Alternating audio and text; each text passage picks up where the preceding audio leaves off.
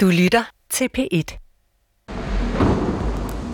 Det er en kold eftermiddag midt i København. Jeg er på vej til Nationalmuseet for at møde Christel Brå, som er ekspert i ekspeditionshistorie. Men jeg stopper lige op her på Frue Plads, fordi jeg skal hilse på en herre, der troner som en irgrøn bronzebyste på en rød granitpedestal her ved universitetets facade, hvor en samling af nationens stolte sønner inden for videnskab og musik og teologi skuer ud over alle os andre dødelige. Og den fyr, der står her, øh, det er Japetus Stenstrup. En særdeles berømt botaniker, zoolog og arkeolog og et magtfuldt medlem af Carlsbergfondets direktion. Og Hans Korsbergs onkel. Så da Hans i 1890 skulle finde finanser til sin rejse til Kalmykkerne, bankede han på hos onkel Japetus. Men det faldt ikke helt ud som forventet. Jeg manglede kun pengene, der var fornødende for at rejse. Onkel ventede mit besøg. Han sad i sit arbejdsværelse, omgivet af et hav af tidsskrifter, bøger og papirer. Du kommer til byen hm, for at slå mønt, begriber jeg, min gode frænde, sagde onkel og fixerede mig over brillerne. Ja, svarede jeg, ikke videre opmuntret. Det kan man jo godt kalde det. Jeg har i de sidste fire år nøje studeret det kaukasiske folkeslag. Og jeg kan sige dig, at det kalmykiske folk, som du siger, du vil opsøge, det eksisterer sgu da aldeles ikke mere. Og hvis det fandtes, kunne du, som ikke kan sproget, på ingen måde finde det. Kære onkel, der findes med afgjort sikkerhed en rest af det fordom store og rige kalmykfolk. Der skal være i alt cirka 10.000 mennesker tilbage. Vi diskuterede ikke sagen videre. Jeg afleverede min ansøgning og gik, klar af situationen, videre. Hans Korsberg måtte gå andre veje, og heldigvis så gav Gyldendal ham et forskud på en rejsebog fra stepperne, og han fik også en friplads på et dampskib til Middelhavet, og så var han så langt. Så Japetus, han kom jo afsted, din nevø, som du ikke troede på. Og nu skal jeg afsted til Nationalmuseet. Det her er fjerde episode af Korsberg-mysteriet. Ingen undgår sin skæbne. Den fødes med os.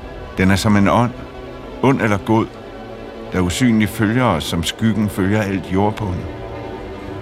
Den er som et kim, et sædekorn, der hemmeligt skjules i os, vokser med os, dør med os. Om det, der ikke skal sjælevandre i vores børn.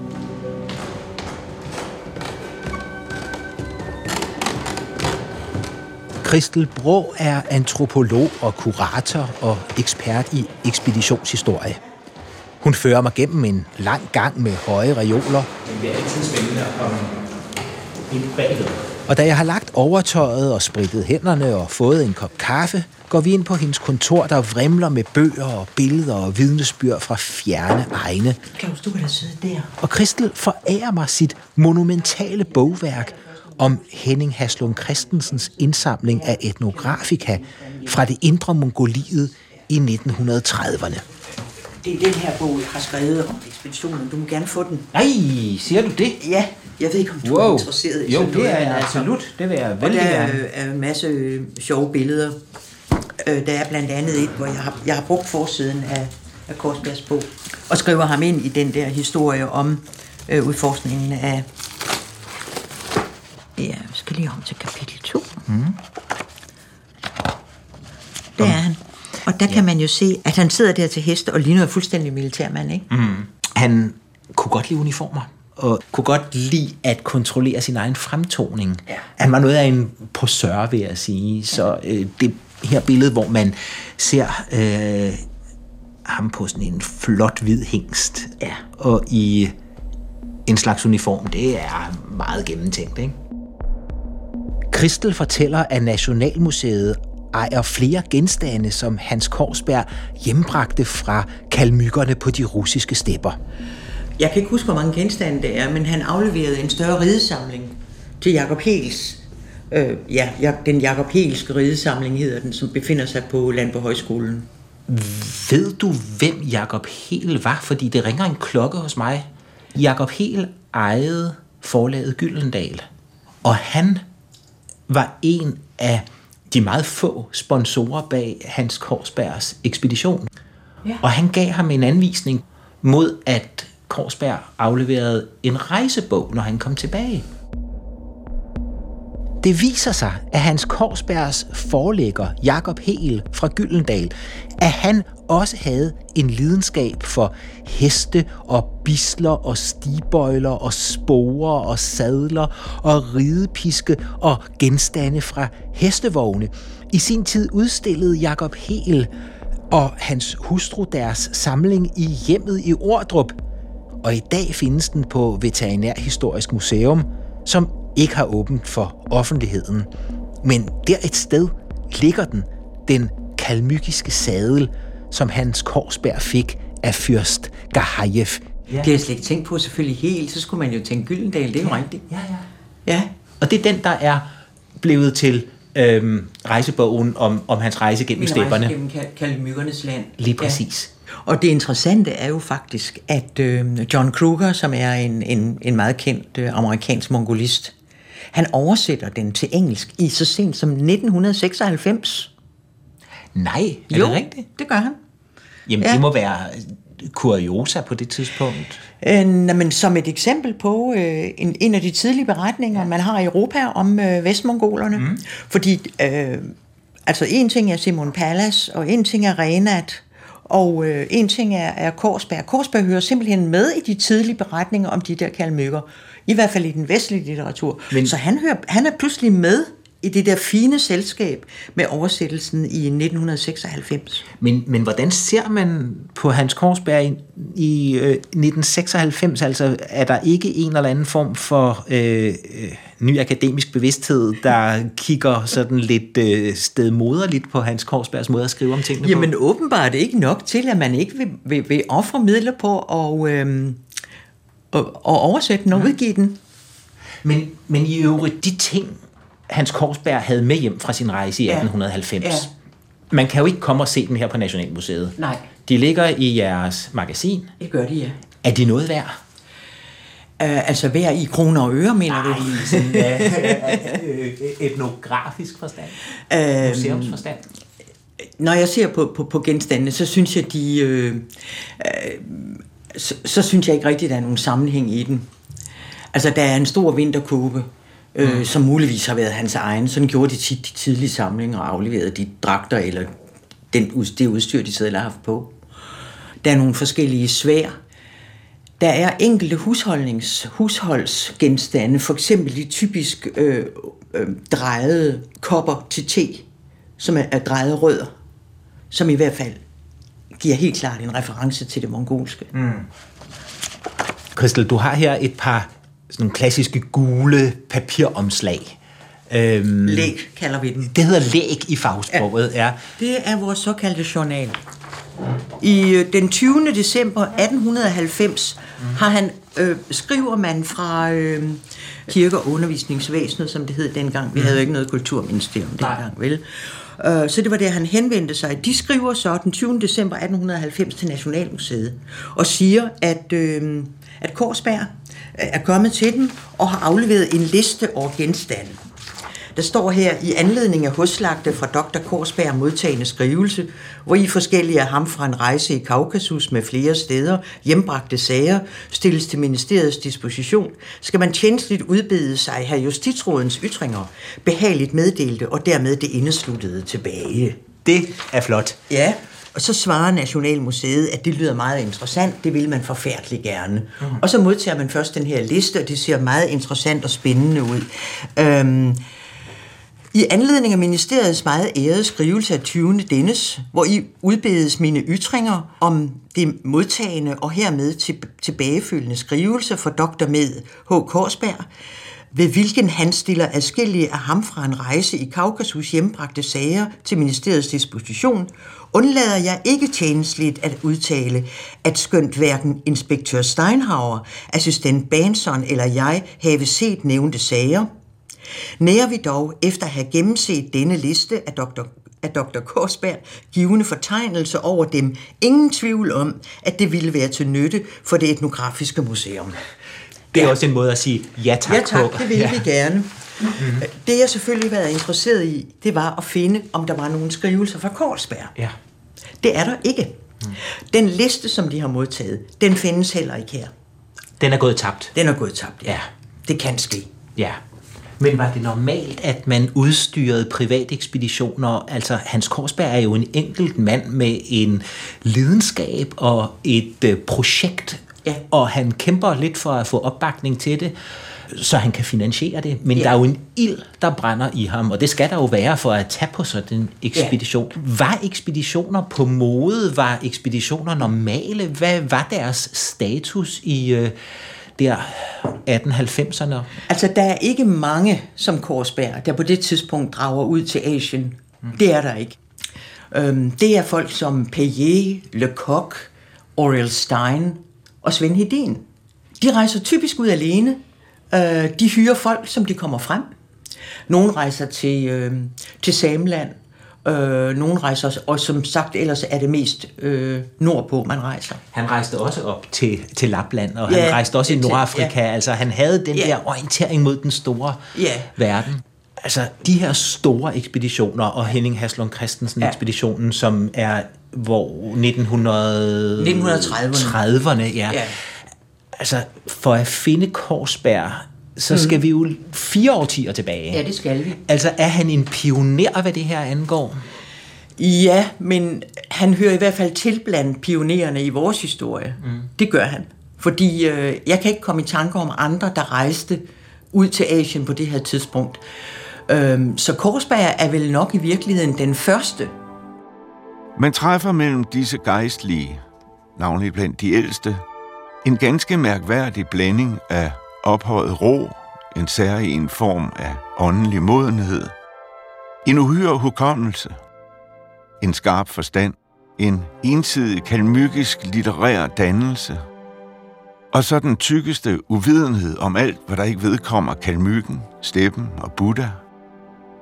Mens en sådan gammel erhverdig alvorsmand i få træk gør dig mat i skakspillet gang efter gang, skønt du dog hjemme plejer at kunne klare dig, gjorde han der gennem Svende tolke de naiveste forespørgseler om valfisk og andre havudtysker. Men hvor ligger sådan en mand som Korsberg i spændet mellem øh, øh, videnskab, eller populær videnskab, øh, og øh, vidtløftige rejseberetninger, fordi tiden kalder jo også på de store fortællinger og ja, øh, et blik ud i den fascinerende verden. Jeg vil jeg ved ikke, om Korsbergs bog var populær i sin tid. Jeg ved ikke, om den solgte godt. Nej. Ved du noget om Nej, det? Nej, ikke rigtigt. Altså, det er klart, ud fra et personligt synspunkt, at det jo grænseoverskridende at kunne møde et andet menneske på på, på tværs af kulturer. Mm. Og, det, og det er det møde, som Korsberg også har haft, som har haft stor betydning for ham, helt utvivlsomt. Det er jeg sikker på. Øhm, det der med at finde folkesjælen, øh, det var stadigvæk noget, som øh, var lidt hipt på det tidspunkt.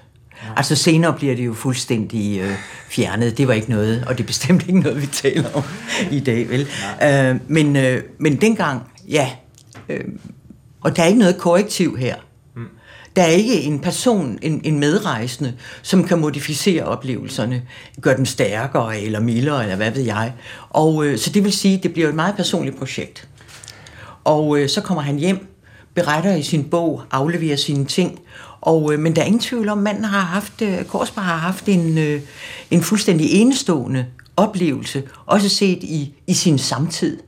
Ja, det er der ingen tvivl om, han har. Øhm, når jeg læser hans skildringer af de mennesker, han møder osv., så, videre, så læser jeg også, lidt ligesom hos Karen Bliksen senere i min afrikanske farm, en, en, øhm, en amatør-antropolog. Ikke? Mm. Altså en antropolog uden... Øh, øh, et begrebsapparat eller øh, den moderne antropologis øh, øh, forståelse af tingene, men mere en, der sådan påtager sig at skildre en folkesjæl. Og det er jo et begreb, som gør os meget skeptiske i dag, ikke? Mm. men også skildrer kalmykkerne. Han siger, kalmykkerne er frygtelig hæslige. Det er et grimt folkefærd. Ikke?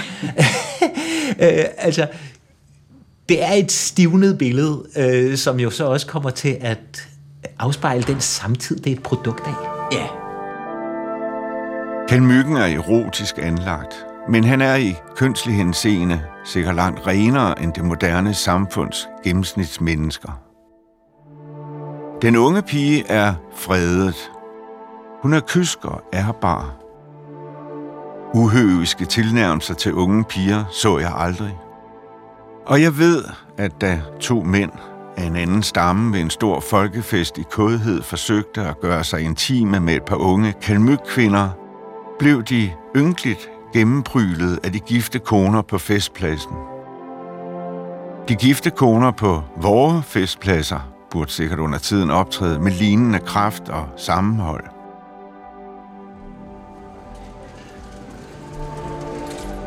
Jeg forlader Nationalmuseet, og mit næste stop, det er Vangskovs antikvariat i Fiolstræde.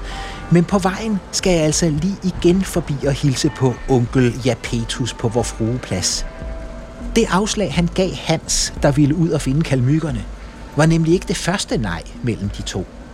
Allerede i 1877 havde Hans, dengang 23 år, opsøgt sin onkel, fordi han gerne ville gå med som frivillig ved ambulancen, som han formulerede det, under den tyrkisk-russiske krig. Men den unge mand med udlængsel var kun medicinsk studerende, så han havde brug for en anbefaling fra en mand med afgørende indflydelse. Og så gik han altså til sin onkel, den erhverdige professor her på Københavns Universitet. Men onkel Japetus sagde blankt nej til Hans. Så han kom ikke afsted. Men hvis det var lykkedes ham at komme til den tyrkisk-russiske krig, så ville han have set nøjagtigt den krig, som Tommy og Tannes far, kaptajn Dinesen, deltog i som frivillig soldat på tyrkisk side. Og det giver jo så god mening, at Hans Korsberg og kaptajn Dinesen var draget af den samme krig, når det netop var disse to mænd, hvis veje strejfede hinanden på tværs af tid og sted, da Tommy og Tanne indgik deres pagt på stenen i skoven i 1906. Hej Christian. Hej, hej. Hej Søren. Hej, tak. Og her sidder du og, Og tamper bøger ind. ja. og tamper bøger ind. Har I Ja. købt noget godt for nylig? Oh, jo, ja. Ja. Det er godt. Mange store, dejlige samlinger. Ja. Godt. Ja. Godt, godt, godt. Vangskovs antikvariat i Fiolstræde. Byens dybeste boghule. Den er altid et fast stop for mig, når jeg bevæger mig gennem et nyt litterært landskab. Her kan jeg nemlig altid have glæde af at tale med antikvarboghandler og litterat og boghistoriker Christian Kåber. Den, vi ser hyppigst, og som gør, at jeg kan huske ham overhovedet, det er den her rejsebog fra øh, det, det yderste Rusland og øh, hos kalmykkerne. Den bider man mærke i, altså, fordi den er også som regel øh, meget, meget flot. Vi har også en stående. Men skal vi gå ned og se, øh, hvor står bogen? Står Den på står oppe i vores fremme? rejsebøger her. Og nu fører han mig gennem rummene hen til et glasskab, hvor hans Korsbergs rejsebog fra stepperne står og troner.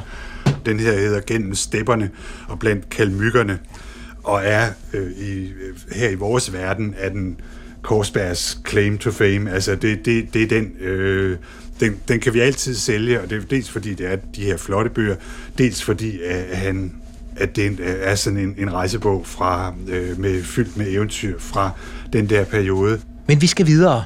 Vi skal ind i boghulens aller inderste skatkammer. Der gennem katakomberne.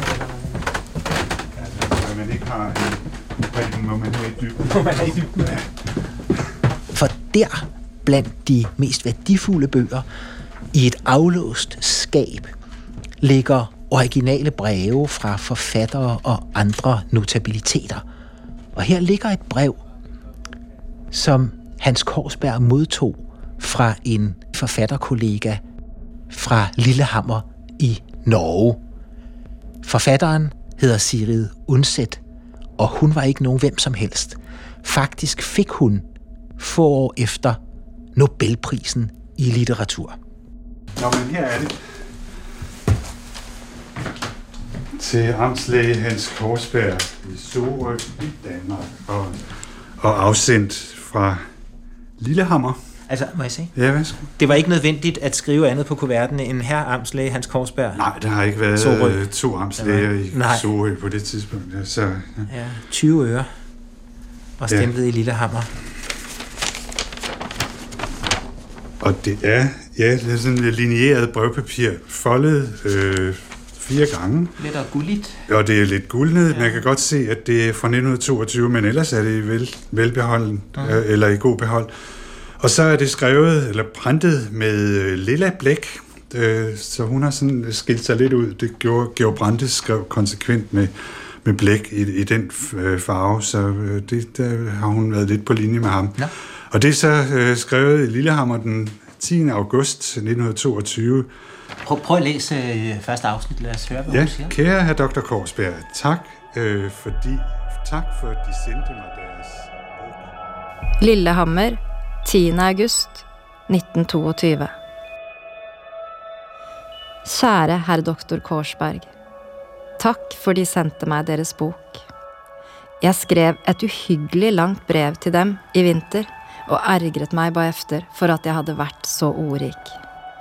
Men deres artikkel i et dansk blad i vinter om den nye etikk og deres elskverdige brev til meg, og sist deres memoarer, gjorde at jeg fikk lyst til å tale med dem. Brev til dem. Øh, oh, bum, bum, bum. Så er det heller ikke lettere at læse. Øh, Men Og så- han har sendt hende en bog. han har sendt hende en bog, Ja. ja. som hun, hun takker for at, at reflektere over, så vidt jeg kan se. Deres memoarer ble jeg svært glad i. De brakte meg hilsen fra det Danmark jeg også kjenner litt, siden den tid jeg var barn og min morfars hjem i Kalundborg eksisterte enda. Jeg likte folkene fra den tid, som kunne se humørt på sin neste, vurdere ham med hans dyder og hans feil, holde av en arvesynder og bære over med ham på de premisser at syndere er vi alle. Og så skriver hun lidt om, hvad hun, hvad hun selv er i gang med. Øh, hun, på det tidspunkt skrev hun øh, katolske helgenlegender fra den norske fortid, så det får han et par, par ord med på vejen om. Ja. Og der er på det tidspunkt endnu en øh, 6-7 år til hun bliver Nobelprisforfatter. Ja, Men- men, jeg, jeg kan ikke huske præcis, hvornår hun fik øh, Nobelprisen. Var det ikke i 28, tror jeg? Fantasien fikk gå løs i kirker og ved kilder, men brutalt ble bortvist fra lovbøkene. Jeg så i en dansk avis at den brave Gyrite Lemke har døpt dem Profeten i Sorø. De aller hjerteligste hilsener til profeten i Sorø, som søker i ørkenen, fra en overbevist disippel utenfor hans hjemland. Deres meget hengivne Sigrid Undset. Fra en overbevist disciple uden, for hans fædreland. Så hun spiller på, øh, hvor profeter er anerkendt hende, og spiller på det her med, at hun sidder i Norge, og han, han er i Danmark. Så det der, det der, der er der meget svung over det. Og så refererer hun til, at en anden, altså på det tidspunkt meget anerkendt dansk kvindelig forfatter, Gyrite Lemke, som glemsen til dels også har sænket sig noget over, har sagt noget smukt om Hans Korsberg. Så han, Det er da et skudsmål. ja, ja, Altså, det er da ret skønt. Han ja. havde ligget i krig med Tit Jensen, fordi han ikke kunne fordrage feminister og så videre, og så ja. Får han uh, Sigrid Undset og Gurite Lemkes uh, uh, anerkendelse. Ja. Men, men, uh, men hun var jo en, en, en, en anerkendt forfatter, og Hans Korsberg var vel, uh, det er i hvert fald det, der hele tiden slår mig, anerkendt i sin samtid, men, men, men så heller ikke meget mere. Altså, jeg har ikke indtryk af, at han var for alvor inde i varmen. Øhm, selvom han havde Georg Brandes opmærksomhed, så var han ikke sådan rigtig inde i inderkredsen af det litterære parnas. Nej, jeg vil også sige, at, at han har jo øh, på det her tidspunkt, uden at jeg skal kloge mig for meget på, om der har han sit forfatterskab bag sig, mm. og, og sidder som øh, til synland, altså som embedslæge nede i i Sorø, og har sikkert sit at passe der. Men altså, det vidner jo om, at han har haft et vist renommé, når en, en på det tidspunkt, øh, må man sige, meget førende øh, dansk-norsk og, og i egen forståelse norsk forfatterinde øh, bruger så meget øh, energi på at skrive øh, brev til ham. Mm. Altså, så han, han har bestemt været øh, taxeret til øh, en, en vis opmærksomhedsværdi. Det har været en fantastisk dag på Nationalmuseet og i Vangsgårds Antikvariat. Museer og antikvariater er jo hukommelsesrum, men også steder, hvor selv fine ting kan ligge skjulte og uvirksomme hen, som for eksempel den kalmykiske sadel, som fyrsten forærede Korsberg, og som Korsberg forærede foreligger Hel, og som nu er på museumsdepot. Og der i antikvariatet, midt mellem 100.000 vis af bøger, kommer jeg pludselig til at tænke på, hvad blev der mund af det eksemplar af Hans Korsbergs Stort Vildt, som den unge Tanne læste højt af for sin bror. Gad vide om det eksemplar stadig findes i Karen Bliksens bogsamling. Jeg må tale med en, der har forstand på baronessen og på baronessens bibliotek. Ej, det, er jo, det er jo fuldstændig fantastisk. Sætningen er bare den første sætning. Tre ord i den første sætning. Øhm, ingen undgår sin skæbne. Altså tilbage til Rungsted Lund. Og nu ved jeg i øvrigt, hvad den her episode skal hedde. Det her var Korsberg-mysteriet. Fjerde episode. Den glemte profet.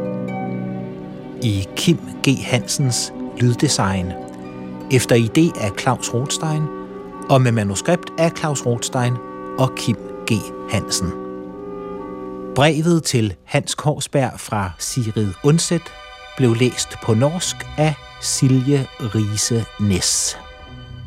Redaktør Louise Witt Hansen. Du kan høre flere P1-podcasts i DR's radio-app. Det giver mening.